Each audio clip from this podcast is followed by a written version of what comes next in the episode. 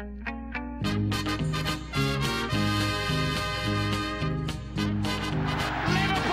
are champions of Europe again. Liverpool are prize winners again. Liverpool is in the record books.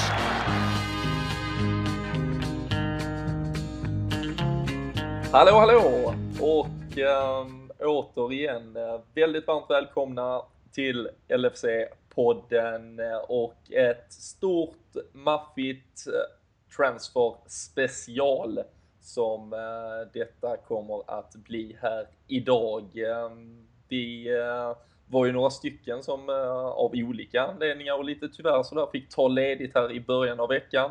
Men då red ju trots allt Kalle Sundqvist och Daniel Forsell ut på sina höga skinande hästar och styrde upp en podd där det behandlades eh, framförallt insatsen mot Tottenham men jag har ju suttit här och tjuvlyssnat i efterhand och det blev ju ganska mycket mer än så, en ganska välfylld timme trots allt på ganska lite material och på kort med folk men väldigt snyggt fixat. Och eh, idag så har vi såklart ett riktigt, riktigt eh, underlag till att verkligen snacka mycket och eh, Kalle och eh, Danne, båda ni två är med igen och kör en, eh, en dubbel denna veckan. Det är ju imponerande och snyggt av er.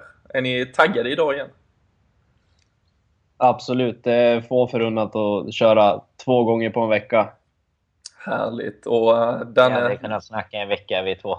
Ni hade kunnat snacka en hel vecka egentligen. Ja, det tror jag. Det tror jag. Ni, egentligen, sanningen är att nu när vi sitter här torsdag kväll som vi sitter här så har ni egentligen snackat sen i måndags och så dök vi bara in i det här samtalet. Helt Ja, ja. Det är fortfarande igång, vårt Ja. samtal. Ja, det är snyggt. Och eh, för att göra den här eh, summeringspodden komplett och för att få ytterligare dimensioner så är eh, Jocke Lundberg också tillbaka efter eh, lite internetkrångel. Du satt ju liksom på bänken. Det var typ som att du satt på bänken, blev inkallad till ett inhopp men fick inte på dig skorna i måndags och fick lämna återbud i sista sekund. Ja, det var, det var nära där, men eh, det blev inget. Jag fick vara kvar i klubben helt enkelt. Så nu får vi se om jag får träna med resten av grabbarna också. Det är lite suck över mig faktiskt, men eh, vi får se. Ja, och där, eh, där har vi absolut eh, redan ett av eh, ämnena vi absolut lär beröra under dagen här. Vi ska ju såklart också inleda med att ehm, slänga en liten push och puff för ehm, supporterklubben, den svenska som dagligen finns på lfc.nu och eh, där jag sannoliken kan rekommendera ett eh, medlemskap för en ganska billig peng. Det finns lite olika paketlösningar där när man löser medlemskap så man kan få en matchtröja, lite annat smått och gott till förmånliga priser också. Så ehm, är ni inte redan medlemmar, surfa in på lfc.nu. De körde ju bland annat ett stort livechatt igår under deadline day, även om det nu inte blev så mycket Liverpool-relaterat på infronten åtminstone, så hände där ju en del och sånt och mycket därtill eh, är ju det som levereras och som kan dessutom bli bättre och bättre ju fler medlemmar som dyker in. Så se till att ta en titt på lfc.nu om ni inte redan gjort det. Men grabbar, vi har en hel transfersommar egentligen att eh, på något sätt summera. Det är den första september när vi sitter här idag. Hela sommaren är passerad. Fönstret är nu stängt. Vi ska se till vilken trupp vi har. Vad har våra konkurrenter? Vad kommer detta egentligen kunna föra oss? Ehm, ni ska ju såklart få gå djupt in på vad ni tycker och både om in och ut och allting. Men hur är känslan bara så här dagen efter, Kalle, när nu är det ändå stängt? Är det på något sätt, är det skönt? Är det jobbigt? Är det ångest? Ehm, hur, hur känner du när det ändå, nu vet vi åtminstone vad som gäller ett par månader framöver liksom. Ja, jag skulle vilja säga att det är en liten blandning av alla de där känslorna. Eh, Det är ju skönt att vi fick bort de spelarna som vi har fått bort under fönstret. Så med tanke på det så är det en ganska skön känsla. Men eh, lite ångest ändå har man väl för att vi inte har plockat in mer. Så att eh, ja, det är en liten mix bland många känslor. Jocke, du, du satt ju eh, och styrde en av de första livechattarna som LFC.nu gjorde, supporterklubben där när Torres lämnade, Andy Carroll, Luis Suarez kom in. Det var inte riktigt det trycket igår kanske, men eh, hur känner du så här när vi avslutar en deadline day och en silly season-period? Alltså är, man, man är både missnöjd och nöjd i samma veva, hur man nu kan vara det. Det känns som att vi har gjort en jättesommar ut, men eh, man hade väl förväntat sig mer in. Eh, för, för att citera den norska supporterklubben så var det faktiskt en som skrev att det känns som att Klopp köpte ett stort hus, kastade ut alla möbler han ville ha, men fick inte riktigt plats med allt det nya han ville ha in. Det där tycker jag summerade ganska bra. Att vi kanske är fortfarande är två eller tre förstärkningar ifrån ett rum en komplett trupp faktiskt. Ett ja, rum faktiskt. i det där slottet som inte riktigt är inrett. Han glömde den ena toaletten kanske, så plötsligt, plötsligt skiter ja, det, det, det, skulle kunna vara så, ja. ja. Och, det, och dina känslor, Danne? Um, är det... Är det... Nej, det jag kan väl egentligen instämma med, med föregående talare, tänkte jag säga. Man, det är lite blandade känslor, men jag skulle ändå säga att i det stora hela och fönstret, om man ser det ovanifrån, så är jag rätt nöjd med att det är stängt faktiskt. Jag tycker det är gött när ligan spelas, så man inte, inte möter eh, något lag som drar in en storvärmning dagen innan, som eh, drar in tre baljor mot oss. Utan det är ganska gött att det är stängt, liksom, även om Liverpools insats eh, kommer vi ju ha mycket anledningar att återkomma till både positiva och negativa saker här under, under dagen idag. Mm. Och eh, man kan väl säga, eh, om, om man försöker ska slå ett litet sådär slag på den positiva trumman så är det ju att vi mötte både Arsenal borta och Tottenham borta innan de fick igenom några av sina slutliga, riktigt, riktigt vassa värvningar i, i form av kanske framförallt Mustafi som förstärkte Arsenals backlinje och en Sissoko bland annat som, eh, som klev in på Tottenhams mittfält. Eh, så eh, nej, det är som du säger, man vet aldrig riktigt vilka lag man möter där de första veckorna av säsongen. Så nu åtminstone kan vi se på allting med nyktra, färska ögon. Vi vet vad som gäller och det är bara att ja, helt enkelt hålla tummar och hoppas att de här förutsättningarna nu kan bära oss ehm, så långt som bara möjligt. Ehm, innan vi går in på Liverpool tänkte jag bara kort ta tempen. Kalle, vad tyckte du annars var häftigast igår? Deadline day, var det något i transfer-Europa som ehm, fick dig att eh, ja, antingen eh, skratta lite extra eller eh, chockas?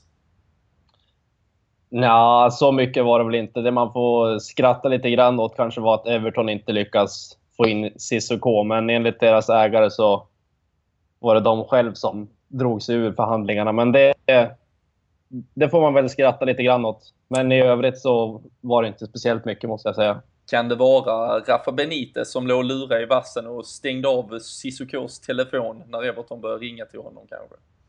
Ja, Rafa är alltid med. var, det, var det något eh, på din radar Danne som eh, fick dig att eh, studsa till lite? Nej, det hände ju egentligen inte så mycket för, för oss om man säger så. De andra är väl inte annat än förväntat att det, Louis var väl en liten chock för mig så sett, även om jag hade snackat med några kompisar om det även dagen innan när det började ryktas lite. Men, men jag, det hade inte jag riktigt trott att han skulle gå tillbaka till Chelsea där. Men annars var det egentligen eh, lite Carragher eh, som fick mig att smila lite när han menade på att Nice hade betalat ett överpris för Balotelli. Även om de betalade gratis. Precis. ja. Allt, um, ja, det, det, det, sägs ju att det finns ju faktiskt inget som är gratis här i livet. Det kommer alltid med ett pris i slutändan och um, det är väl lite där Mario Balotelli på något sätt kvalificerar. Ja, det kommer de få märka. Precis. Nej, men vi, uh, vi, vi tar oss väl vidare då mot, uh, mot det som den här podden faktiskt ska handla om och det är ju såklart Liverpool och den sommaren som vi lämnar bakom oss. Så eh, är det transfer special så är det. Eh, vi ska försöka summera allt och nästan lite till. Och eh, jag tänker att vi börjar med spelare som har lämnat klubben. Vi kommer absolut faktiskt att nämna allt och alla så gott vi kan och ber om ursäkt om något namn har fallit bort här men vi djupdyker såklart lite mer i ett par av dem tyngre namnen. Men eh, det är ju en sommar och faktiskt den säsong, eller den transfer, så att säga, session där Liverpool i sin mångåriga historia ser flest spelare, eller näst flest spelare genom tiderna lämna dörren på Melwood. Så det har verkligen varit en rensning utan dess like. Och eh, det börjar med en eh, Jordan Rossiter som lämnade klubben. Jerome Sinclair lämnar klubben. Joao Teixeira lämnar klubben. Kolo Touré lämnar klubben, visserligen att han släpptes. Även Same Jessil, José Enrique, Daniel Trickett Smith, vi har Christoph Polgar, Alex O'Hanlon, Ryan McLaughlin, Will Marsh, Daniel Cleary.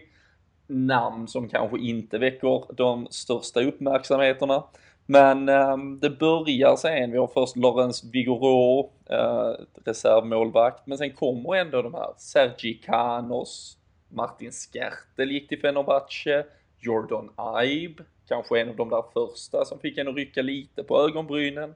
Joe Allen som var ryktenes man väldigt länge, Brad, Brad Smith, Christian Benteke, kanske den största soppan av dem alla. Luis Alberto blev klar för Lazio under gårdagen, förrgår troligtvis redan. Och sist men inte minst då Mario Balotelli. Det här är alltså spelare som permanent har lämnat klubben.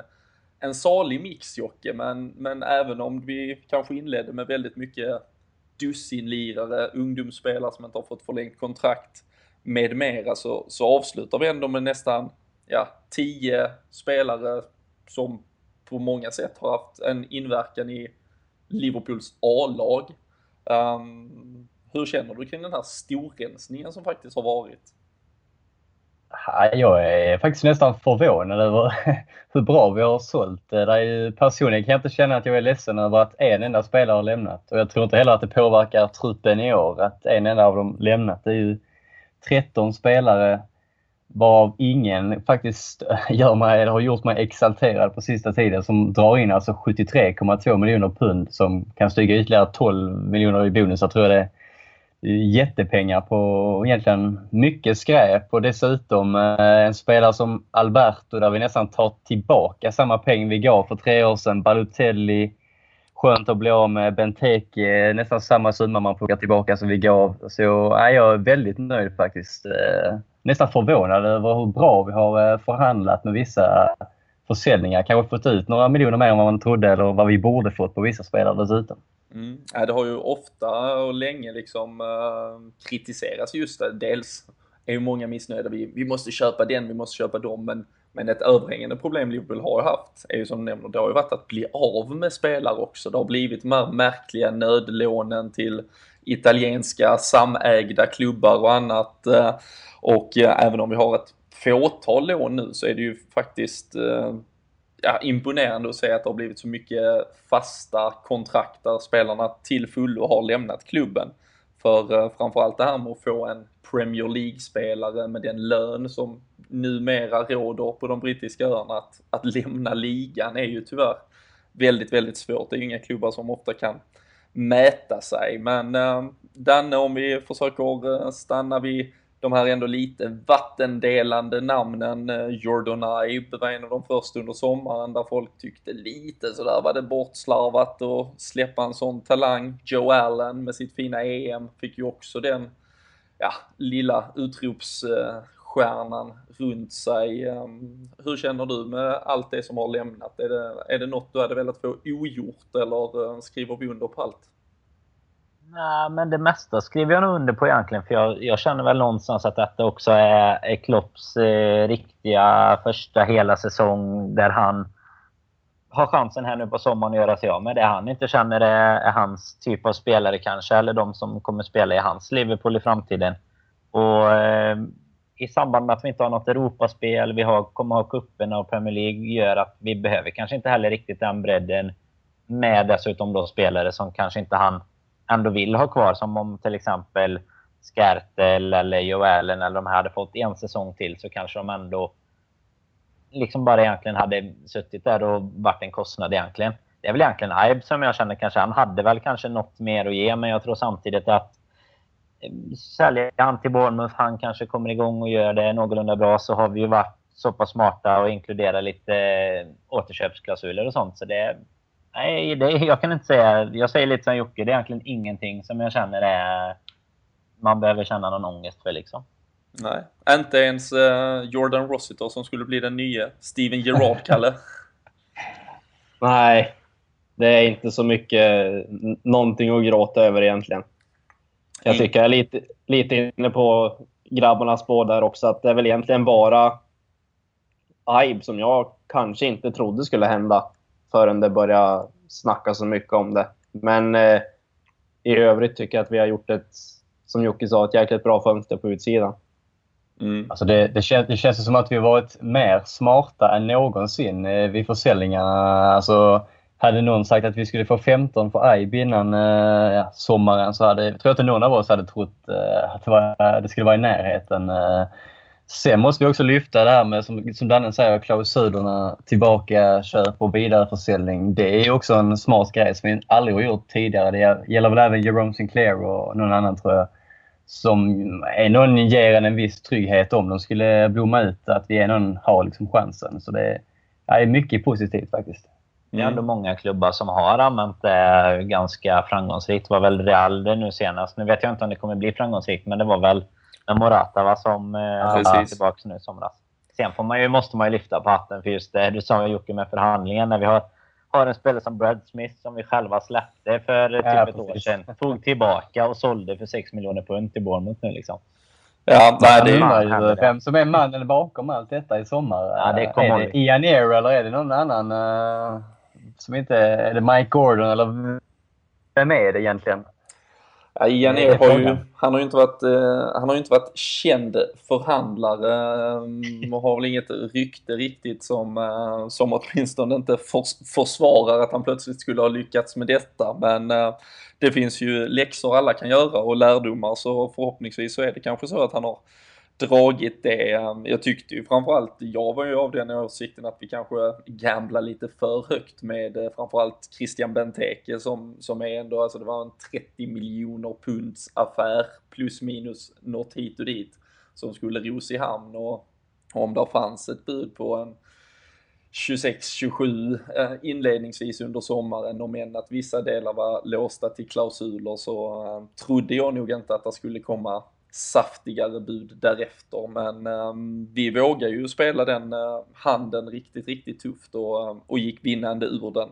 Och uh, det är ju såklart med facit i hand extremt imponerande. Det, det kändes som det fanns jag tror jag hade Christian Benteke fått en säsong till i Liverpool där han inte hade i stort sett spelat någonting, för det hade han nog inte gjort, um, så hade ju de pengarna varit upp i rök helt enkelt. Ehm, det hade ju aldrig gått att försvara någonting över ens hälften antagligen eh, nästa sommar. Så um, det där uh, gjorde man såklart väldigt, väldigt bra. Samma egentligen med Joe Allen, att man ser den möjligheten att casha in efter ett fint EM-slutspel, men um, är ju en begränsad fotbollsspelare. Så uh, där tycker jag också att man gör helt rätt. Um, sen grämer det mig lite att Sergi Canos uh, blir såld, um, om än att det nu eventuellt ska kunna finnas lite klausuler också. Men eh, 4 miljoner pund för en spelare som skulle kunna bli värd 40 eh, en gång i tiden. Eh, nu är det såklart, vi har haft många likt Danny Pacheco och andra som har försvunnit ut i myllan istället. Men jag tycker ändå han har gjort det så bra på, på lån i Brentford förra säsongen i Championship. Inlett fint i Norwich nu, gjorde två mål i en ligacupmatch här, här om veckan och ja, 18 bast fortfarande, all tid för sig. Vill såklart mycket mer än att vara en reservlagsspelare i Liverpool, det förstår jag. Men eh, kanske att man hade kunnat hitta någon lånelösning istället för att det var ett eller en försäljning som det nu kommer att bli. Eh, men, eh, men nej, annars instämmer jag mer också att det är extremt imponerande rakt igenom det vi har lyckats med på utfronten egentligen.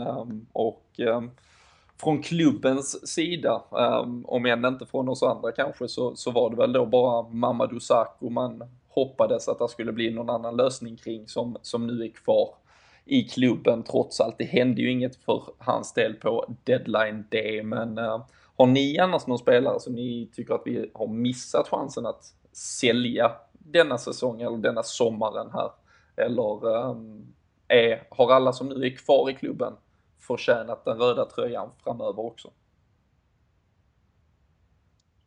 Ja, alltså jag känner inte att det är någon sådär på rak arm som ingår i, i A-truppen som vi skulle ha sålt. Däremot eventuellt några lån som vi kanske skulle försökt få ihop på bland annat Brannigan och, och Randall framför allt. Det är väl det enda som jag tycker att vi skulle kunna försöka ha löst under fönstret. Men ingen sån där som vi skulle ha sålt som är inne i A-truppen, det tycker jag inte. Det kom ju obskyra rykten kring både att Barcelona och Real Madrid ville ha Cameron Branaghan tidigt under sommaren om ni, om ni minns dem och det slutade ju tyvärr med en kollapsad lånedeal från Wigan där eh, Liverpool väl satte lite väl hårda krav på antalet matcher han skulle spela men eh, känns ju tyvärr som att det, precis som du nu, att det kan bli en en väldigt tuff säsong för, för hans del med, eh, med tanke på vad eh, att det inte är några breddmatcher om vi säger så. Det kommer inte vara någon eh, betydelselös Europa League-match eller annat utan det är ju faktiskt bästa lag som kommer ställas på banan varje match hela säsongen. Så ja, det kan jag absolut instämma med där. Eh, ni andra, Danne Jocke, något, eh, något på utfronten som ni hoppades skulle hända men som aldrig blev av? Den enda jag känner är väl egentligen Markovic, att han, nu går han ju på ytterligare ett lån. Som, eh, vi hade ju Jocke som breakare i våran podd där för två månader sedan ungefär, så hade vi bara lyssnat då så hade vi inte behövt bli förvånade. Men, men, eh, och Sporting dessutom då som, eh, som även nämndes. Men eh, nej, jag känner väl att han... Alltså det gör väl ingenting så sett om att han utlånade en sång till, men jag vet inte om... Kommer han att, att vakna liksom? Men det var, ju, det var ju precis det här sättet vi kom överens om att han skulle kunna vakna på. Så det, det är väl hans kanske sista chans någonstans på det.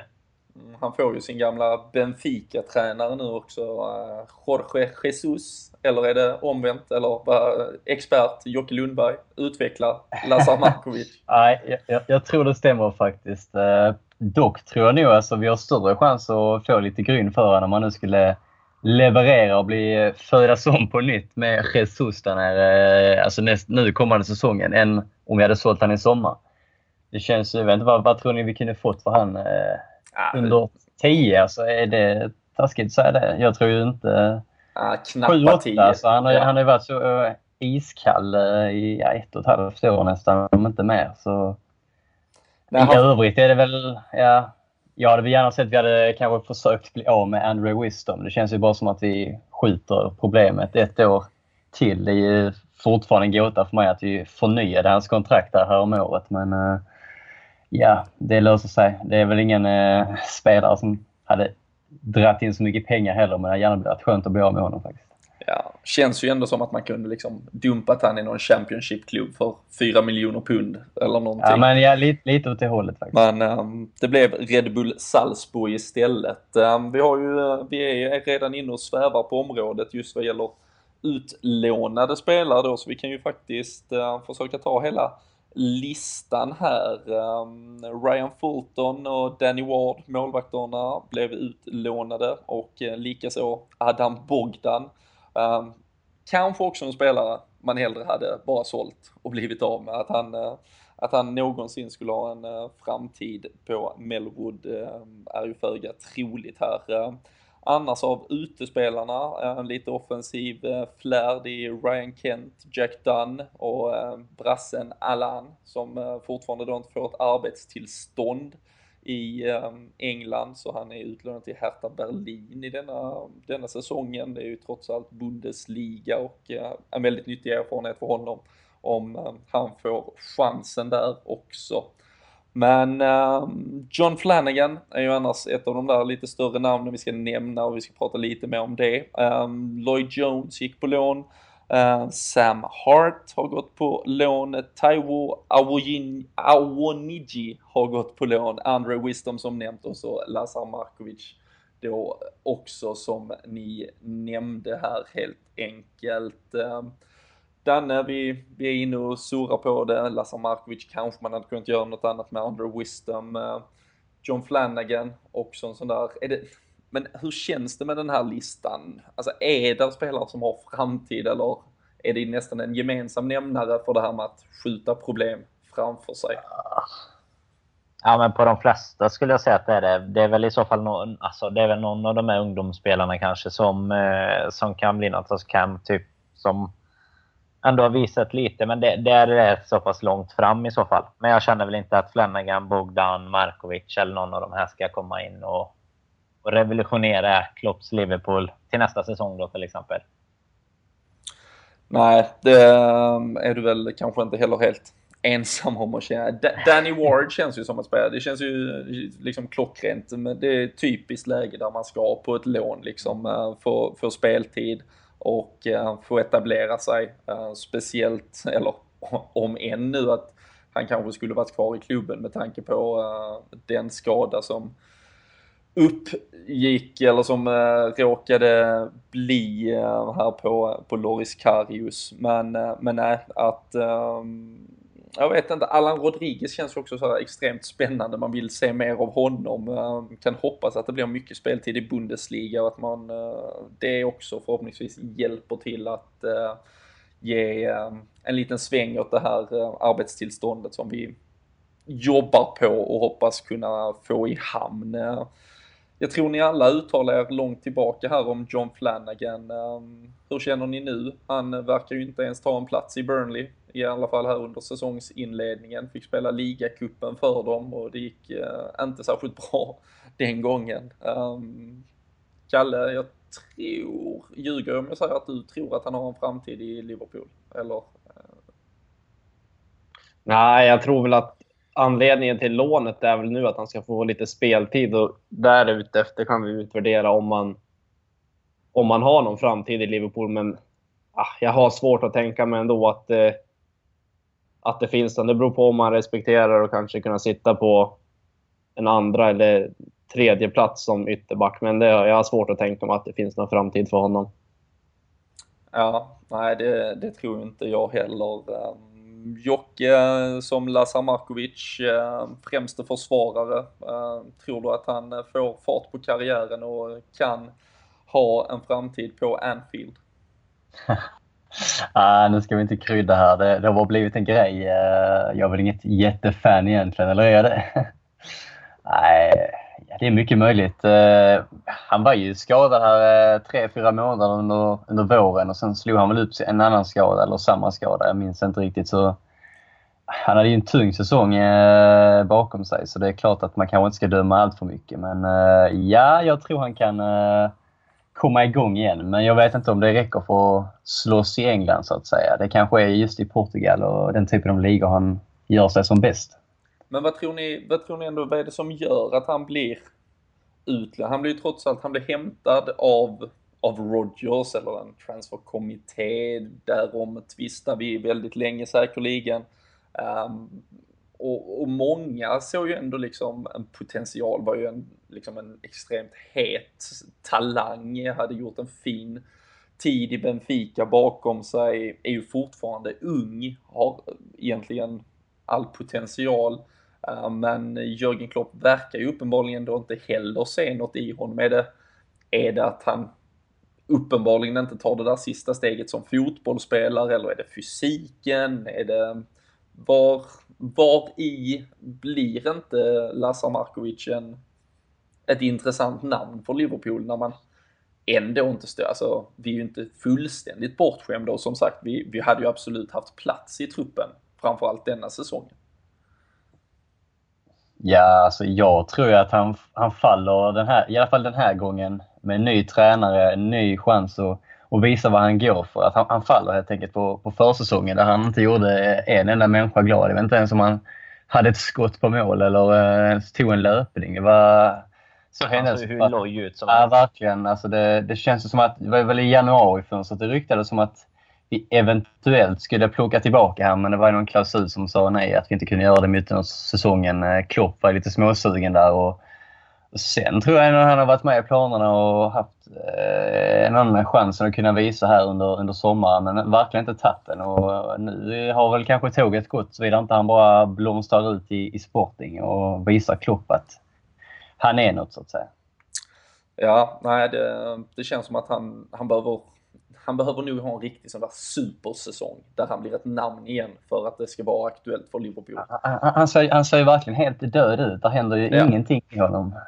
Eh, jag vet inte om det är självförtroende eller om han inte är bättre. Alltså det är verkligen eh, är som en vissen blomma. Ja, vi, vi, får se om vi kan hitta den där bilden också. Där är en bild tagen, sån här, hans profile och sån här spelarprofilbild tagen precis när han kom till klubben och så den som tog sig i somras. Det var liksom så här, bara två år eh, kontrakterad av Liverpool gör med dig. Han, han ser helt förstörd ut pojken.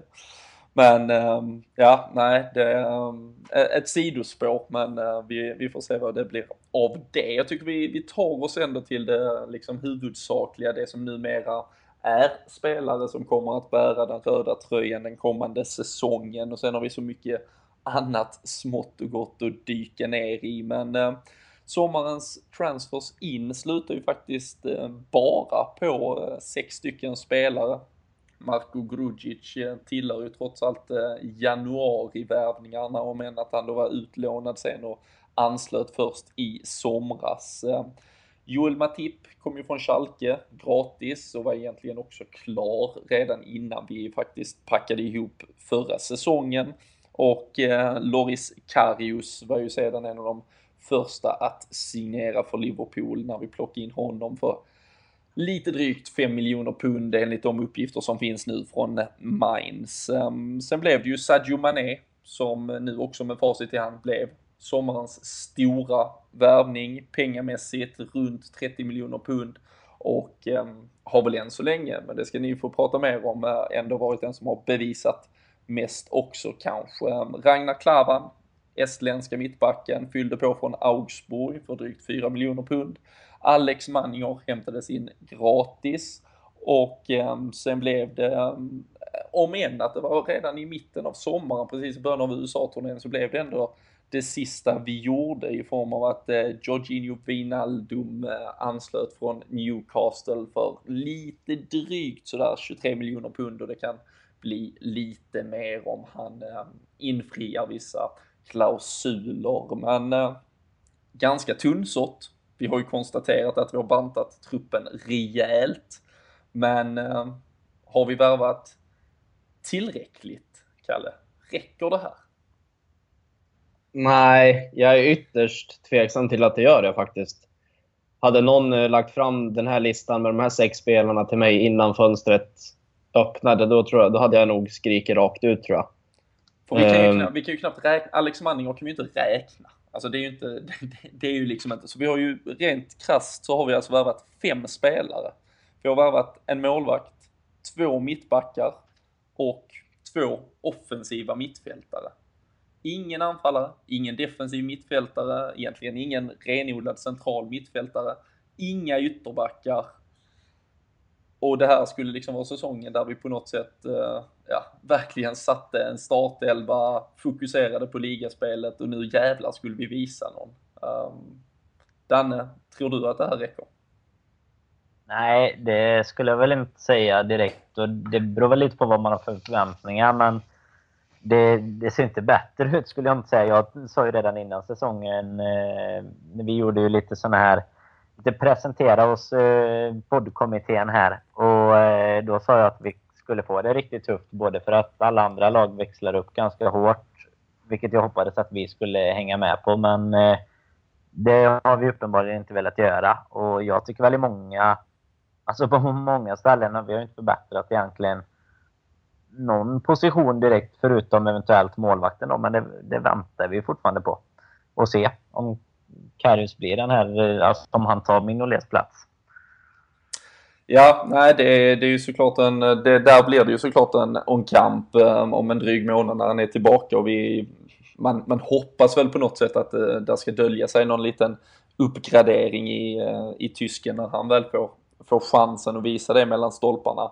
Men, annars är det ju kört. Annars är det ja, men, men annars är det ju egentligen, lite, lite sådär eh, krasst sett ser det så ersätter vi väl då Martin Skertel som fick spela mycket eller Mamadou Sakho som nu är i en frysbox med Joel Matip. Det är liksom ett ganska, ja, är det en enorm uppgradering i eh, Matip där eh, Jocke, att vi har fått in honom som mittback? Ja, ja, alltså, ser man till alla de här spelarna så är han nog den jag tror mest på. Men det, det är ju inte...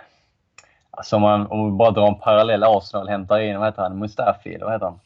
De hämtar Mustafi, uh, City 30, hämtar... 35 miljoner pund. City tar John Stones, jag hade 40. Chelsea tar in en David Luiz för 38 någonting. United var, vad, heter han, Bailey eller... Uh, precis, det är ju... Uh, kanske det man hade velat se. Nu tror jag ju stenhårt på Matip, men jag menar uh, att trycka in en försvarare på 30 miljoner pund, visa musklerna liksom.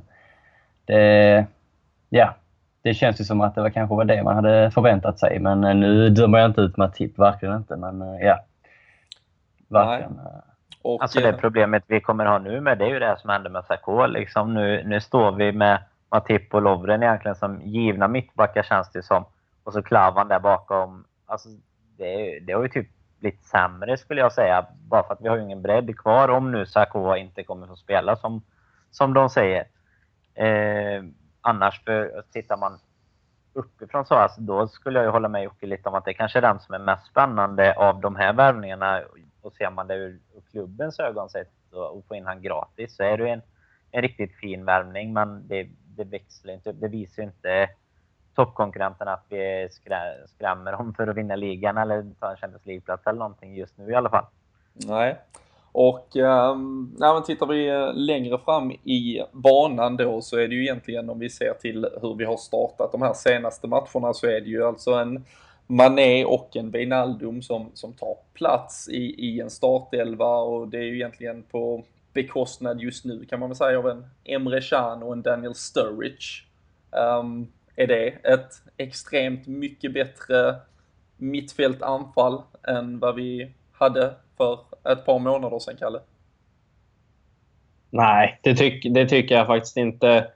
Om man ska ställa Wijnaldum och Chan mot varandra så håller jag ju Chan betydligt högre än eh, Wijnaldum, trots att jag tycker att han är en bra fotbollsspelare som jag tror kan bli nyttig för, för Liverpool. Dels den här säsongen, men även i framtiden. Men ställer man det mot varandra så, så tycker jag inte att det är någon, någon jättestor utveckling. Det tycker jag inte.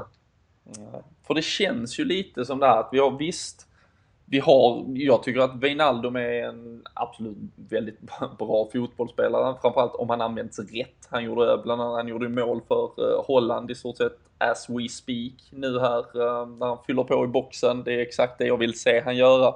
Och eh, Sadio Mané tror jag ju att vi alla har imponerats enormt över. Han har ju visat exakt att han är det där liksom kvicksilvret som, ehm, som vi vill se. Men, men det är ju ändå trots allt på bekostnad av någon annan och det, visst det har gett oss kanske en, en lite offensivare bredd men det har ju ändå inte liksom tagit oss från en, vi, vi hade ju liksom en ganska fin offensiv, alltså Sturridge, Firmino, Coutinho, Lalana, det är ju inget, det är ju inget kattskit liksom.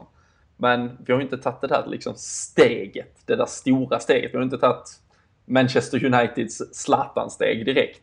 Och eh, där känns det som man kanske hade hoppats på mer eller ja, jag vet det blir så mycket fokus på vänsterbacken, mittbacken men räcker offensiven då?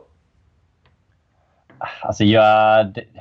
Sett till hur Klopp vill spela, om han nu bara vill ha en anfallare längst fram så tror jag det räcker. Vi har ju hur många alternativ och formationer som helst som vi, som vi kan spela med. Utan Eh, det är väl snarare bakåt jag är väldigt tveksam. Att vi inte hämtar en vänsterback är ju största gåtan sen eh, uh, gud vet vad. Speciellt när det nästan eh, var uttalat att Klopp ville ha en vänsterback. Det var ju Ben Chilwell som ryktades i veckor om inte månader. Och sen bara händer ingenting. Det kan inte vara det enda alternativet vi hade på hela listan. Eh, Leicesters eh, ungtupp.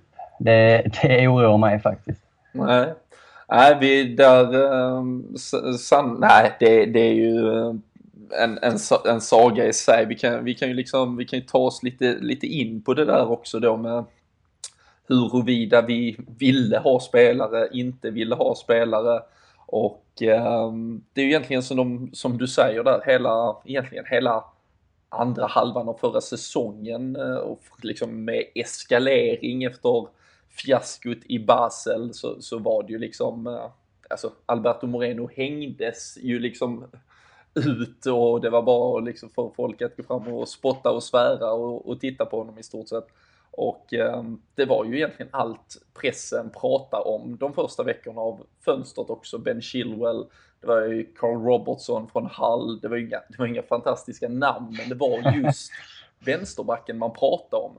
Um, vi sitter här några månader senare och det sista Klopp egentligen har sagt i de senaste intervjuerna är ju nu att han är nöjd. Han eh, känner inte att han behöver någon vänsterback eh, alls. Eh, samtidigt så gick det väldigt snabbt att peta Moreno och hitta på att James Milner var en lysande vänsterback. Eh, ligger där ett par eh, hundar begravda, Kalle? Har, ehm, har Klopp fått ge vika för ehm, snåla ägare eller har han varit, eh, är, tror du att han verkligen är nöjd med vänsterbacksbesättningen? Nej, det... Ja. Är jag nöjd, då är jag orolig. Eh, så att det, jag hoppas verkligen att han är nöjd med det, men samtidigt kan han inte säga någonting annat heller, för det skulle bara bli fel. Men eh, ja, hade han haft möjligheten att värva en spelare som han verkligen ville ha på vänsterbacksplatsen, då tror jag att den spelaren hade kommit in. Men ja, jag vet faktiskt inte. Jag tycker bara för det känns jag skrev en krönika idag också, torsdag, eh, på, på ämnet på lfc.nu som, eh, ja, den kan man gärna läsa igenom innan man lyssnar vidare här i så fall kanske. Men eh, där jag liksom försökte ändå beröra det där ämnet kring FSG och ägargruppen här då, hur mycket hur mycket stöttning de egentligen gav. Eh, Jocke var inne på hur, hur våra konkurrenter då har förstärkt bara på mittbackspositionen som du nämnde där, men även egentligen i, i alla sina övriga lagdelar har det spenderats alltså ett 20, 30, 40-tals miljoner pund. Vi ser nettoförluster på över 100 miljoner pund i både City och United. Vi ser ett Chelsea som eh, i god och vanlig ordning eh, närmar sig samma siffror i och för sig med ett track record att de faktiskt har sålt en del de senaste åren men eh, nu när de missade både Champions League och Europa League så menade de helt plötsligt allvar. De har alla nya tränare också. Eh, så inte ens där på något sätt är vi ju unika.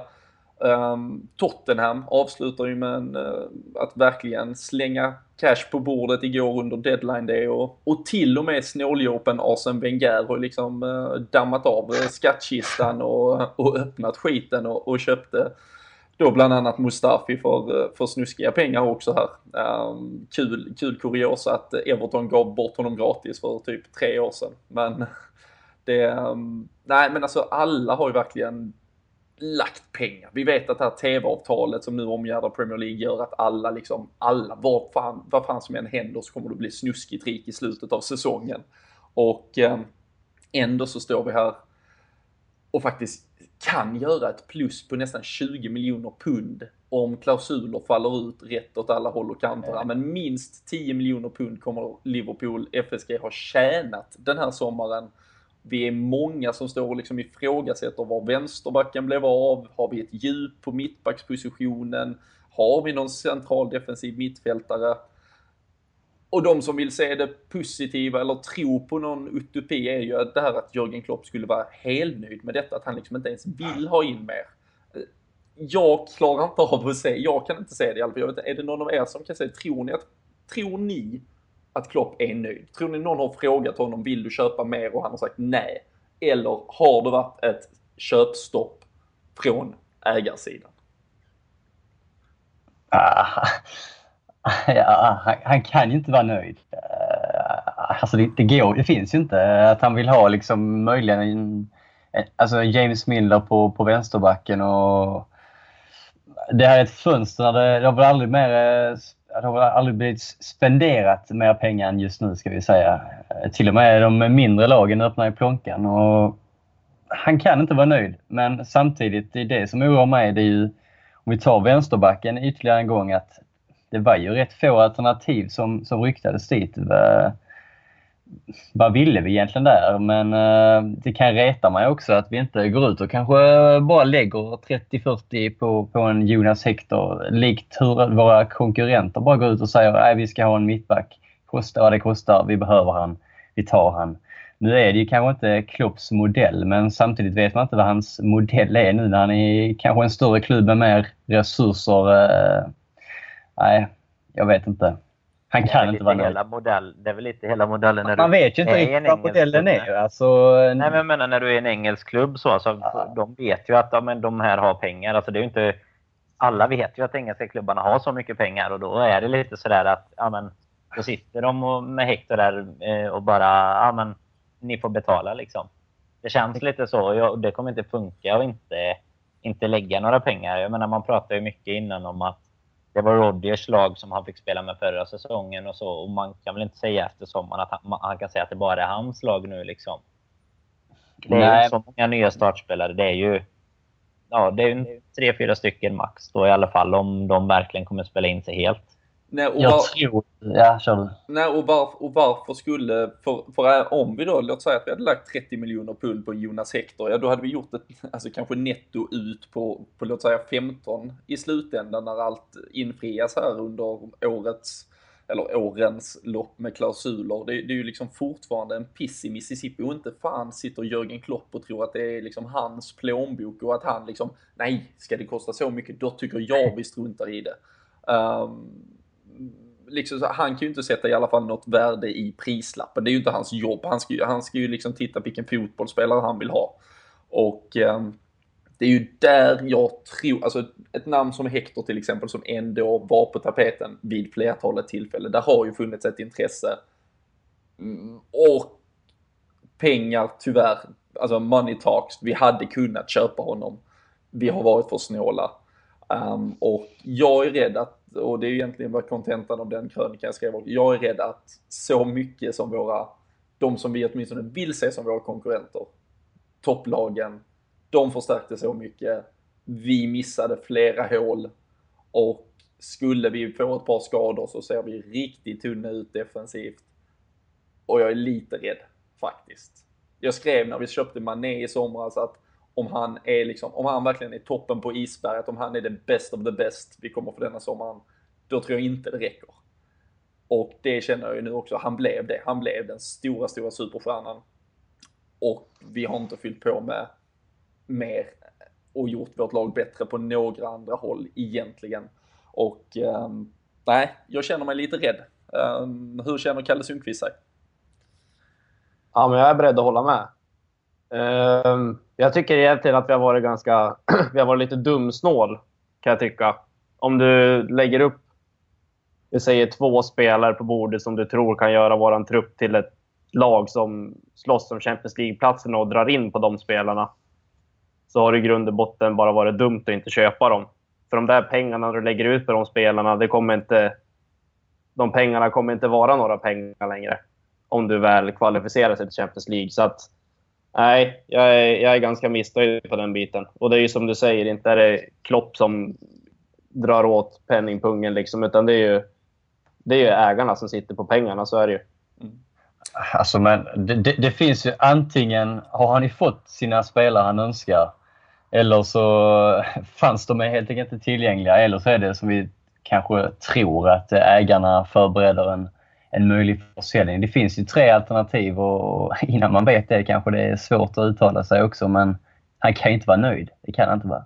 Mm. Det Ja, finns ju du, också lite anledning att vara orolig åt andra hållet. Jag menar, om det nu skulle bli så att det- som man, alltså värsta farhågan att man kanske kommer ligga och en bit ifrån Champions League-platserna, då kommer ju också våra bättre spelare börja känna, tror jag, någonstans att då kommer de kanske vilja röra på sig. För någonstans, alltså en säsong eller två, man kanske kan missa Champions League, men känner man inte att det byggs liksom underifrån samtidigt och att det verkligen satsats framåt, då, då kommer ju även typ Coutinho och de här antagligen försöka hitta något lag som satsar istället. Liksom. Mm. Och där tycker jag egentligen, och, jag kanske missar att sätta just de, eh, de orden till den krön. jag tycker du summerar allting väldigt bra där Danne, för det är ju tyvärr det det handlar om. Vi kan ju, vi kan ju köpa spelare som kommer in en säsong och tänker att de ska blomma om tre. Men problemet är ju att de som då blommade förra säsongen, de har ju bara en säsong till de kommer orka blomma i en vissen trädgård. Det kommer liksom inte, Coutinho kommer ju inte kunna motiveras av att okej, nu har vi kommit sjua och åtta och sen sjua igen, men kanske att eh, nästa och nästa och nästa.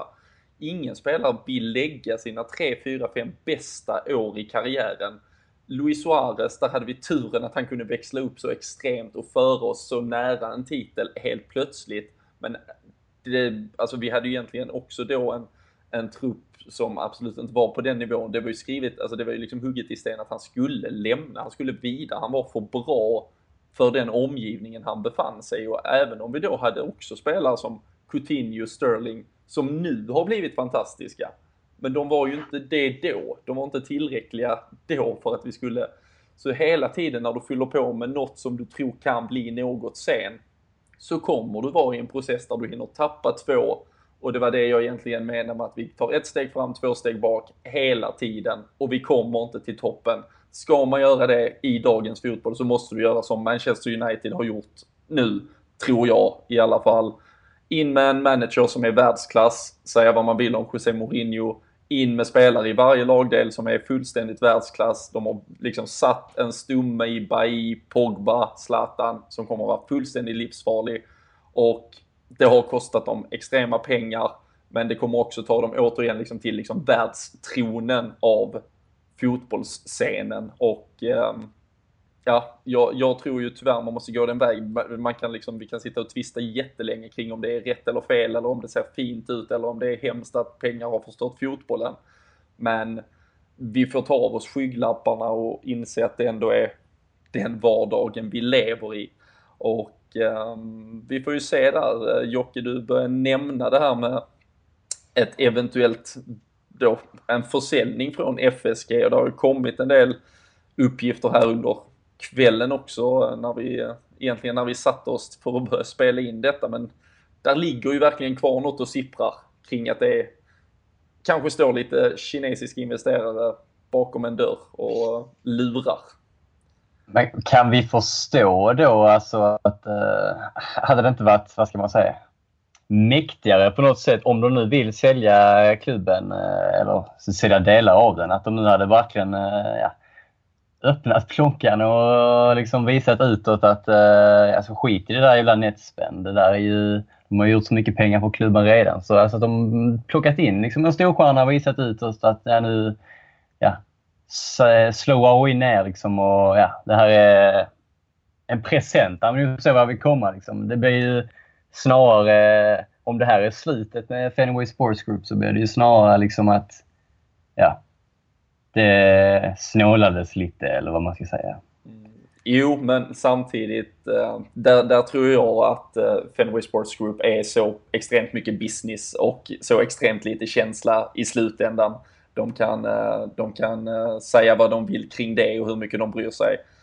Och de, de köpte Liverpool för lite drygt 300 miljoner pund. De sägs ha pumpat in lite drygt 400 miljoner pund. Då landar vi på 700 miljoner. Och ehm, det ryktas ju nu att ett bud utifrån skulle kunna ligga på upp mot en miljard pund. Och ehm, det skulle ju innebära en extrem liksom, vinst för dem och samtidigt så har ju Liverpool, vi har Jörgen Klopp, spännande, fantastisk manager. Vi har ett nytt skinande mainstand, vi har liksom ett arenabygge som faktiskt tog fart och återigen, jag tackar verkligen FSG för ett fantastiskt jobb hittills fram tills nu. Men eh, de, jag tror inte de kommer lägga de där sista pengarna. Jag tror de ser att de har byggt ett så fint fundament att det är liksom superläge att casha in. Och det jag tror de är rädda för med att köpa spelare nu är att de skulle binda upp massa kanske eventuellt dyra lönekostnader som en eventuell köpare inte vill ta över utan de vill såklart komma in och sätta egen prägel och lägga sina cash på, på vad de nu kanske behagar. Men, eh, men, men jag vet inte, jag, jag, hoppas ju på något sätt att det är anledningen till att FSG fegade ur här. Ja, det var lite dit jag ville komma faktiskt. Att uh, man hoppas ju ja, att det finns en anledning. Att, och att det snarare inte bara är någonting som ja, fortsätter. Nej. Men alltså en, en gång... Eh, ja. Jag tar det okej. Okay. Ja, men jag tycker när man hamnar liksom där, eh, det är ju som jag sa, är det liksom att de vill sälja?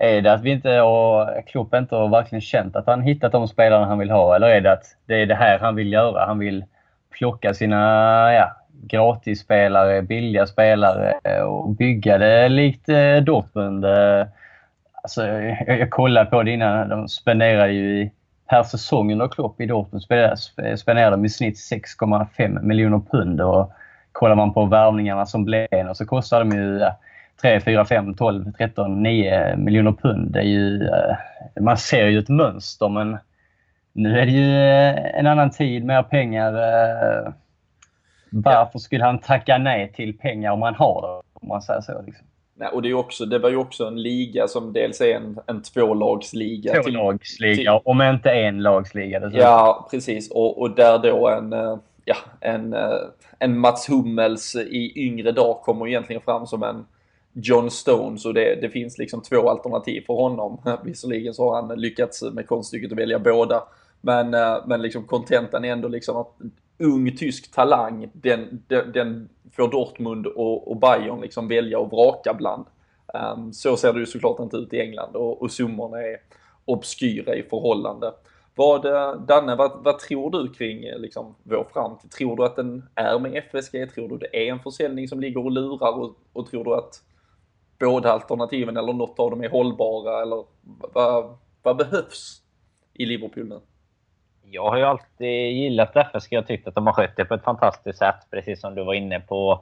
Här med, de fick igång arenabygget och det känns ändå som att de har gjort alltså mycket fina saker. De har lagt eh, vissa pengar där det har behövts och så. Men precis som du är inne på också så har de ju verkligen gjort det till en så här investerardröm under den här sommaren. De har fått bort så mycket lönekostnader.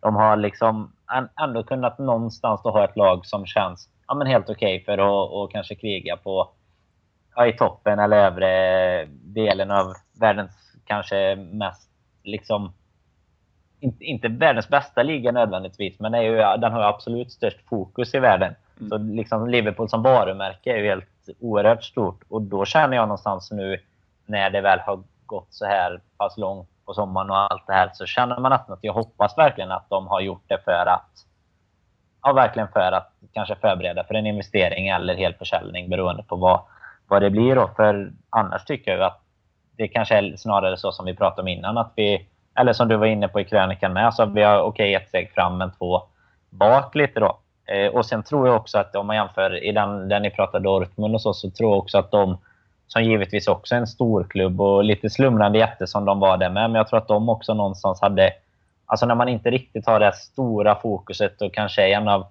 de absolut största klubbarna just då, så kunde de komma i en lite lugnare takt också och komma upp utan kanske precis samma krav från hela omvärlden om man säger så. Nu är ju Klopp den managern som verkligen kommer in och ska vara världsklass. Där snarare blev han ju världsklass med det han gjorde. Ja, nej, sannoliken. Och äh, vi får ju se här som sagt. Det, det har tagit... Äh, det har ju varit eh, rykten kring det här China Everbright, en del olika personer med olika tidigare erfarenheter som kopplas på lite här och att det då eventuellt kan vara olika investerare, att det blir någon sorts av konsortium eller hur man, vad man gör av det. FSG kanske behåller någon liten del av kakan som de ja, kanske är, eh, som sagt, de, de, har ju säkert fått eh, en, en relation till klubben och, och, kanske absolut finns, eh, vill finnas med i kulisserna. Men, men är säkerligen också väldigt nöjda med att göra ett ekonomiskt stort plus om de skulle gå till ett förhandlingsbord med någon annan. Men Kalle, om vi med, med allt detta och vi ska, inte, vi ska heller inte måla fan på väggen, men vad, vad, vad kan det bli av Liverpool den här säsongen? Om vi nu ser till vad våra konkurrenter har gjort, vad vi har gjort. Är vi redo att slåss helt i toppen? Har vi liksom goda chanser på en topp 4? Kommer vi åtminstone ta oss förbi West Ham och Southampton som vi låg bakom förra säsongen? Vilken, vad ska man ha för mål denna säsongen? Ja, alltså inför säsongen så trodde jag att vi, att vi skulle komma topp 4. Eller att vi hade möjlighet till att komma topp 4. Och det, det tror jag fortfarande. Jag tycker att vi har en tillräckligt bra trupp för att slåss om de platserna. Ehm, så det har inte förändrats så mycket. Men jag tror att en, en topp fyra, top, de tre platserna som kommer vara i topp fyra i båda Manchesterlagen och Chelsea. Sen tror jag att det är vi, Arsenal och Tottenham eventuellt något lag till som kommer få slåss om den där sista fjärdeplatsen.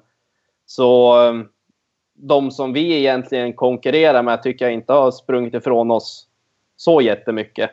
Så att... Eh, nej, jag tror att vi har, att vi har chans att komma topp fyra.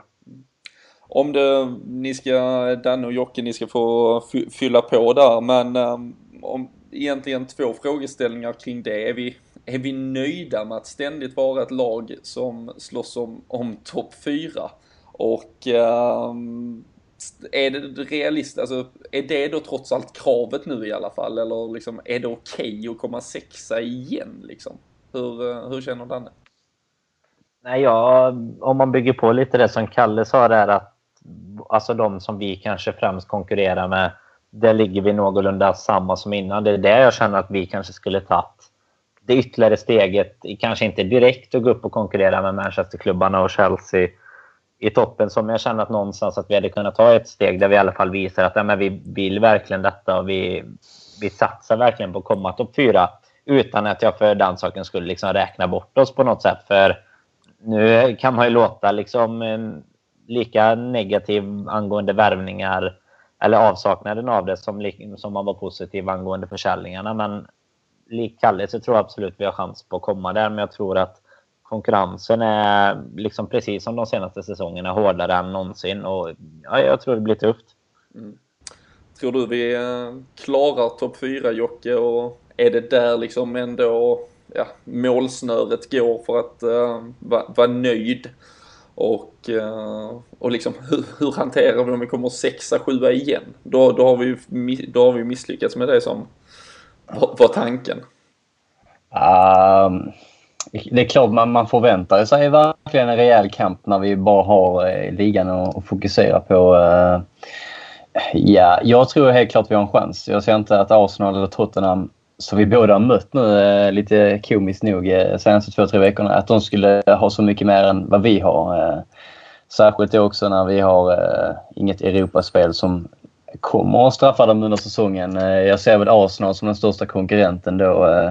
Men samtidigt ska vi... Alltså det, hela ligan blir ju bättre och bättre. Det är ju, alltså, jag är ju väldigt rädd för West Ham och ju, tror ju på sikt att det kan bli ett jättebra lag. Spännande lag med arena och och London och allting. De har redan plockat in lite spelare här, bland annat Arbeloa som är värt att, att nämna. Ja, vi, kan, vi får stanna där lite snabbt bara för att du kom in på ämnet. Du ska få prata vidare sen. Hade inte ja. han åtminstone varit en... Eh, kom gratis har ett Liverpool-hjärta, ett förflutet, om än att han fick ett par hyvlingar av Jamie Carragher när de spelade tillsammans. Men mm. han är ju borta nu. Alla minns när han blåste iväg honom från stolpen i stort sett innan. Ja, var det Newcastle eller West Bromwich? Ja, ja det var, då, var det inte, då var det inte kul att vara i hans skor. Men uh, hade inte han, eh, de tog in honom som en nödlösning till Aaron Cresswell som är långtidsskadad på deras vänsterbacksplats. Men uh, men Liverpool stod och bara tittade på. Han är ju inte en kloppspelare, bla bla bla. Men hade det inte varit bättre än att kanske Conor Randall måste hoppa in och vikariera någonstans snart? Jo. vi kanske håller det där bara. Ja, det, det, frustrerar mig lite. För vi, jag skojar lite om det, eller jag kommer inte ihåg om det var med någon av er. Vi skrev lite på Twitter om det för ett par veckor sedan. Men um, ja, det blev England för honom. Men uh, du ska få fortsätta utveckla vår eh, eventuella tabellposition denna säsongen. Nej, jag fortsätter verkligen med att har, har ligan någonsin varit svårare? Eh, vi kan ju ta, även bottenklubbarna är ju varvar som eh, aldrig förr. Bournemouth slog ju klubbrekord när de hämtade in Aib från oss. Eh, vi har ju Pallas som har ju köpt Benteke och uh, Mandanda och Louis Cremi och Townsend. Vi har en nykomling i Middlesbrough som har lockat till sig Negredo och Victor Valles. Och är det mer Victor Fischer och Gaston Ramirez. Det, är ju, alltså det, det, finns ju verkligen ingen match längre där du känner att ah, det blir tre pinnar. Utan de här blir, de varvar ju smartare, de varvar bättre, de varvar dyrare. Det, Ja, jag tror aldrig det varit svårare att få eh, topp fyra. Inte för att vara konkurrenter är mycket bättre snarare än att ligan och alla lag har jämnat ut sig och tagit några steg framåt. Nej, det kommer ju vara det där med, tyvärr, det som också har varit våra akilleshäl att, att vinna de där matcherna som man på pappret fortfarande förväntas att vinna. Hemma mot Middlesbrough till exempel, men, men har du inte en bra dag och en god plan för ett sånt möte så kan det vara att Alvaro Negredo straffar dig i 87 och så, och så nollar man den kolumnen liksom. Så um, nej, det, vi får ju se. Klopp verkar ju ha, han verkar ju verkligen ha bestämt sig för att det kommer att vara bästa elvan, helst liksom en och samma friska spelare som liksom spelar sig igenom denna säsongen och um, vi får väl se om det ehm, kanske är melodin. Ehm, det var ju egentligen något liknande det vi gjorde säsongen 13-14 där vi gick runt på extremt få spelare. Det var ju killar som Luis Alberto och Iago Aspas som utgjorde bänken under den där nästan guldsäsongen. Så, ehm, och de såg man ju inte mycket av i tröjan, så det var ju verkligen ett gäng som fick förtroendet. Men ja, vi kan bara hålla tummarna för att det är något liknande vi har att vänta. Ni, eh, ni har ju nämnt vad ni tror är topp tre. Jag kan ju skriva under på att jag tror detsamma. Jag tror också att kampen nu står mellan oss, Arsenal, Tottenham i främsta rummet åtminstone. Vem, eh, vem tror ni vinner ligan, Kalle? Um, jag skulle säga City. Vi, vi håller det kort, behöver inte analysera det. Danne, har du någon känsla för vem som ror hem det? City också. Okej, okay. och vem tror Jocke vinner då? Uh, det gör United. och jag tror tyvärr det också.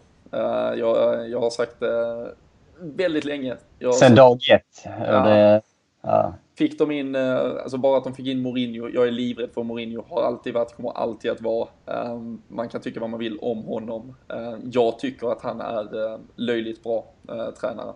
Och det är många som slår på trumman att han alltid har fått köpa vad han vill och spelar på liksom själv självspelande pianon och annat men uh, han har levererat. Uh, man kan ju inte förglömma att han vann liksom Champions League med Porto. Det, det var ju inte direkt uh, att han gjorde vad han ville där. Utan ehm, nej, han, är, han kan göra vad som helst. Så det känns lite farligt. Men eh, vi eh, har börjat bli långrandiga. Vi ska dock hålla er alla underhållna ett tag till för vi var ju inne och eh, snuddade vid Mamadou Sakho här i början av eh, programmet och, och, han kom väl på något sätt att bli eh, ja, vår, vår, vår riktiga transfersoppa till slut. Det blev inget, men klubben ställde egentligen ett ultimatum för en dryg vecka sedan att gå på utlån eller riskera att bara sitta utanför eh, truppen under ett års tid.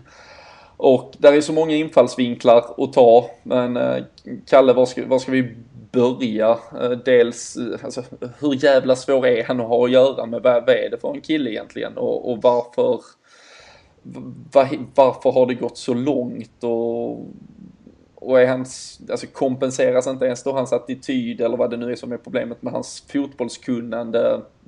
Vad, vad är det vi står med här och, och vad, vad, tror du vi kommer att se under säsongen? Ja, uppenbarligen verkar han ju vara jävligt svår att ha att göra med. Eh, jag trodde när Klopp kom in att, att Sarko skulle vara en av de spelarna som han kanske skulle bygga sin backlinje runt. Men eh, så verkar det inte bli nu. Eh, det ska bli jävligt intressant att se någon gång i december när vi står där med Ragnar Klavan som enda hela mittback om han kör Klavan och Lukas eller om han låter Sarko spela ändå. För att han har ju uttalat att han inte kommer spela någonting den här säsongen. Så... Men...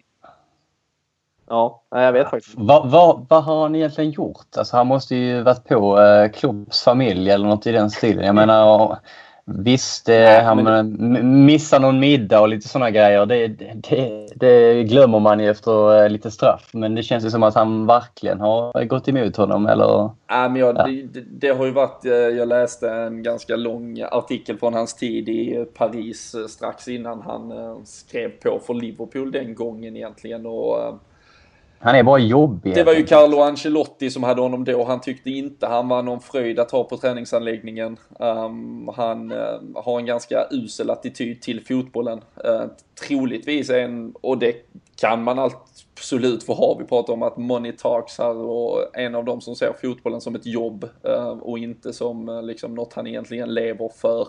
När han inte tränar så gör han vad han vill. Då går inte han och tänker på nästa match och annat.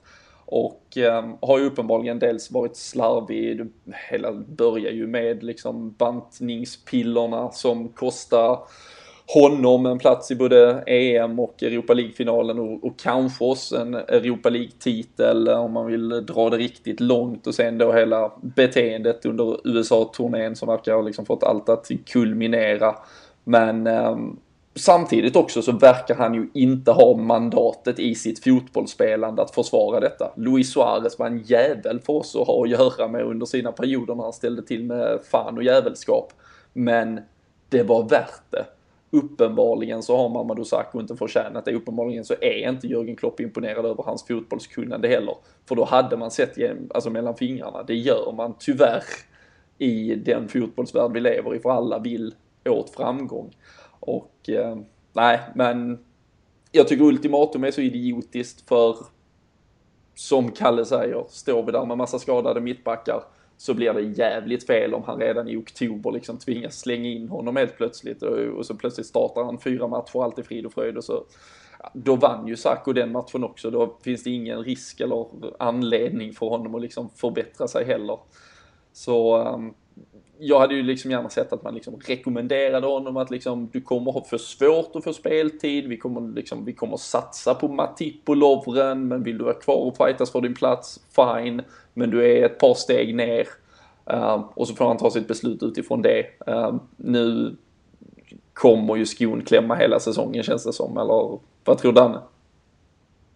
Ja, jag instämmer med dig. Jag tänker också på den jämförelsen med Suarez där så känns det som att han Alltså på Suarez så låg ju problemen ändå någonstans på planen. Att hans... Eh, det var liksom inte attityden kanske utanför på samma sätt som, som Sarko verkar ha. Nu, nu vet man inte kanske exakt allt som har hänt heller, men om det nu är så att det var lite problem i Paris. Det var ju problem med Rodgers någon gång när han inte blev uttagen där i något derby tror jag det var, var och stack, stack från eh, Anfield. Och Sen lite vidare nu, det är lite, lite Balotelli-varning eh, och mer åt det hållet än åt Suarez-hållet skulle jag säga. Och mm. precis mm. som du säger, men så kompenserar ju, alltså i mina ögon, en av världens absolut bästa fotbollsspelare. Också just då eh, som Suarez var, liksom då, det hade inte gått att ta bort honom. Alltså, då hade man ju i stort sett sagt att vi vill inte vinna här. Liksom. Så då, då blir det någonstans att man försvarar ett sånt beteende om, om inte Sarko ändå är den här självskrivna så, så tror jag att då blir det nog bara ett jävla irritationsmoment om det är en massa problem utanför liksom. Ja, nej. Jocke, har du mer att fylla på med kring eh, ja. Mamadou Sakho och vad som eventuellt ja, kan hända? Borde vi inte eh, varit mer desperata att, att bli av med honom då? Jag menar, både han själv måste ju vilja liksom eh, sparka igång karriären igen efter det här med bantningspillerna och EM och Men allt det är, ju där, det är ju där kanske återigen hans att attityd han själv inte Han vill det. inte det kanske. Han har en lön, han får pengar, han bryr sig kanske inte om han spelar fotboll nästa säsong. Det, det tror ju... Alltså, du hade, annars hade du ju lämnat klubben i detta läget. Det, om nu ultimatumet fanns. Varför är han kvar? Varför är han kvar? Det var väl två, tre alternativ. Borde, vi borde ju ha tagit in någon också. Om vi nu är så mm. säkra på att han inte ska spela, varför har vi inte... Vad fasen, vi måste ha in någonting som, som i alla fall är lite reserv eller någonting. Ja, precis som ni är inne på, ja, men vi kanske står här om, om en och en halv månad och så måste vi i stort sett ta in honom. Eller en liksom Joe Gomez som inte har spelat på ett år typ. Lukas Leiva som eh, mittback. ja, vi hade ju vet han, Bruno Martins Indy gick ju till Stoke på lån och hade väl helt klart varit ett, ett bra alternativ, eh, i alla fall på lån, eh, om nu inte Sacco ska spela en enda match. Då sades väl tidigare idag att han skulle ja, träna för sig själv i tio månader nu också. Jag vet inte om det är rätt väg heller.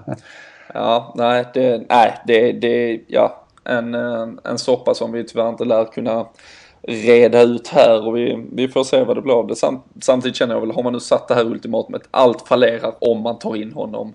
Så, så nu, vi får, jag, jag tror väl ändå att vi får se honom som förlorad denna säsongen. Och um, då återkommer väl jag i alla fall till det problemet som du nämner Dardan, att då är ju vår mittbacksuppsättning också för helvete allt för dålig.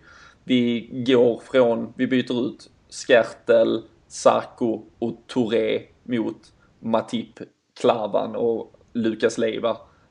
Det är inte en förbättring. Ehm, eventuellt om liksom Lovren Matip eh, blir, kan vara stabila, spela 38 matcher och liksom uh, nå någon formtopp tillsammans. Men vi är ju extremt sårbara direkt vi skulle få någon skada. Um, lilla turen i oturen är ju att Matip inte har något större intresse att spela för Kamerun och ligger i lite tvist där och förhoppningsvis då missar Afrikanska mästerskapen. Men skulle han behöva åka eller liksom allt skulle falla på plats där han plötsligt ska åka på dem över vintern här i månadsskiftet eller januari fram till mitten av februari så, så är det ju, ja, då, då ser det ju inte stabilt ut där heller. Då måste vi i så fall agera i januari och det vet vi ofta kostar mer än vad det smakar. Så nej, nej, också ett, äh, ja, en lucka jag inte tyckte Liverpool fyllde under sommaren. Men eh, jag tänkte att vi ska avsluta med det absolut bästa och sämsta. Vi börjar med det sämsta tycker jag från eh, era infallsvinklar, vad ni har sett, vad ni har tyckt under den här sommaren, vad Liverpool har gjort och vad vi nu kan få hoppas på för framtiden. Eh, Kalle, det sämsta ur Liverpools synvinkel denna transfersommar och eh, sedan det absolut bästa. Vad var det? Um, ja, man vill ju gärna säga vänsterbacksplatsen, men det blir väl kanske lite väl tråkigt. Så jag, jag tycker inte egentligen att vi har gjort någon sån här riktigt, riktigt bra värvning förutom Mané. Så det är väl det, det som jag är missnöjd med egentligen, att vi inte har värvat in något riktigt stort stjärnan som kan gå in och, och ta över den där stjärnrollen i, i laget. Det är jag väl lite, lite besviken på. Det bästa är väl att vi har blivit av med de spelarna som vi ville bli av med och kanske några fler därtill. Um, ja, skulle säga att det är det. Mm. Jocke, hur känner du? Kalle har väl sagt det mesta. Det är ju bästa är ju spelarförsäljningarna helt klart och det sämsta är väl avsaknaden av en, en storvärvning. Spänna musklerna, visa för övriga konkurrenter att vi menar allvar likt de själva har gjort mot oss. Det är väl det. Absolut. Danne, du får inte vara papegoja här. Har du något annat Nej. att inflika? Ja, det har jag faktiskt. Även om jag blir lite papegoja på vad vi pratade om för inte alls länge sedan. Utan jag är egentligen eh, redan när vi pratat om detta lite innan inställt mig på att mittbacksuppsättningen är min... Eh, det jag tycker vi har tappat, eller det jag är mest missnöjd med. Att vi har lyckats på något sätt kanske till och med göra det sämre. Inte sämre nödvändigtvis, precis som du säger, om nu Matip och Lovren spelar 38 matcher i ligan och alla matcher i cuperna. Liksom. Men alltså att vi, vi har inget backup. Blir det någon skadare så ser det riktigt, riktigt eh, dåligt ut helt enkelt. Eller ja, nu ska man inte vara taskig mot Klavan och så, men det, det ser tunt ut i truppen kan vi säga det. Förfina det lite då. Absolut, inlindat och bra. Ja. Och, det, eh, känns, det känns ju som att vi, vi står ju... Vi, tvingas, vi kommer ju tvingas till nödlösningar och det, det borde vi ha sluppit inför en, en ny säsong. Jag menar, i värsta fall kan det vara så att vi har en mittfältare som både mittback och vänsterback eh, någon gång under säsongen. Det var väl kanske inte det man hade och sen, och sen har vi ju, och så har vi mittfältare som anfallare också, så vi hade ju egentligen bara behövt mittfältare. Men eh, något, eh, kan du plocka ut något guldkorn annars Danne? Så att vi får oss på lite bättre humör. Ja, alltså egentligen, jag har svårt att säga att det är något annat än de, den eh, saken som Kalle och Jocke snackar om. Alltså att vi har lyckats, och det ska man vara otroligt nöjd med. Men det visar ju ändå någonstans om, om tre av oss hittills har lyft fram det som det bästa. Att det är verkligen riktigt bra jobbat att bli av med så mycket spelare. Eh, inte, nu säger jag inte någonting liksom, eh, att vi ska gå plus som klubb, utan snarare att vi inte sitter med en massa spelare som kan sitta och bli missnöjda och liksom, som tappar i värde och så vidare också. Sen är väl annars eh, just själva värvningen av Matip som jag tror kan bli en av årets värvningar sett till Även om jag skiter fullständigt i det egentligen med pengarna och så. Men sett mm. till kostnad mot hur, vilken spelare vi får så tror jag att det kan vara en av, av de bästa värvningarna i år faktiskt. Du tror inte det blir en eh, gratisvärvning alla Balotelli till Nice helt enkelt? Nej, det är inget överpris där skulle jag inte säga på Matip. Nej, men jag, där, där tror jag faktiskt vi har... Eh, där har vi material för många år framöver faktiskt. Absolut. Fast han behöver lite folk med sig där nere. Det är problemet bara. så, så är det. Nej men ni, eh, jag, jag kan väl hålla med om att vi gjorde ett fantastiskt jobb på att liksom öppna upp möjlighet för oss att uh, investera uh, egentligen eget kapital uh, med tanke på allt det vi sålde, allt det vi lyckades rensa. Öppnade upp extrema liksom, möjligheter på lönekontot också med tanke på tunga namn som Balotelli, Benteke, även Skertel satt ju på en ganska saftig lön. José Enrique som försvann gratis, Kollo Touré med flera. Men, ehm, och det var ju väldigt, väldigt positivt men att vi sen totalt fallerade med att eh, utnyttja det tycker jag ehm, är ett underbetyg till, eh, till allt och alla och att det egentligen bara kan försvaras om, ehm, om det är för att man vill ha ett liksom uppputsat eh, skinande hus till försäljning och att det är därför man inte har dratt in massa spännande dyra möbler helt plötsligt men Det är Jockes fel att vi husrefererar nu allting här. Men um, det, var, det var också som någon skrev väldigt bra, liksom en, en klubb av Liverpools dignitet ska aldrig vara en skada ifrån att behöva spela en spelare ur position eller liksom att hitta den här nödlösningen. Och det är ju så det kommer att se ut. Vi har inte en defensiv mittfältare när Emre Can är borta. Vi har inte en vänsterback även om vi har en. Vi har inte en mittback direkt. Matip eller Lovren är skadade, återigen med respekt för Ragnar Klavan. Men det är inte Liverpool-material.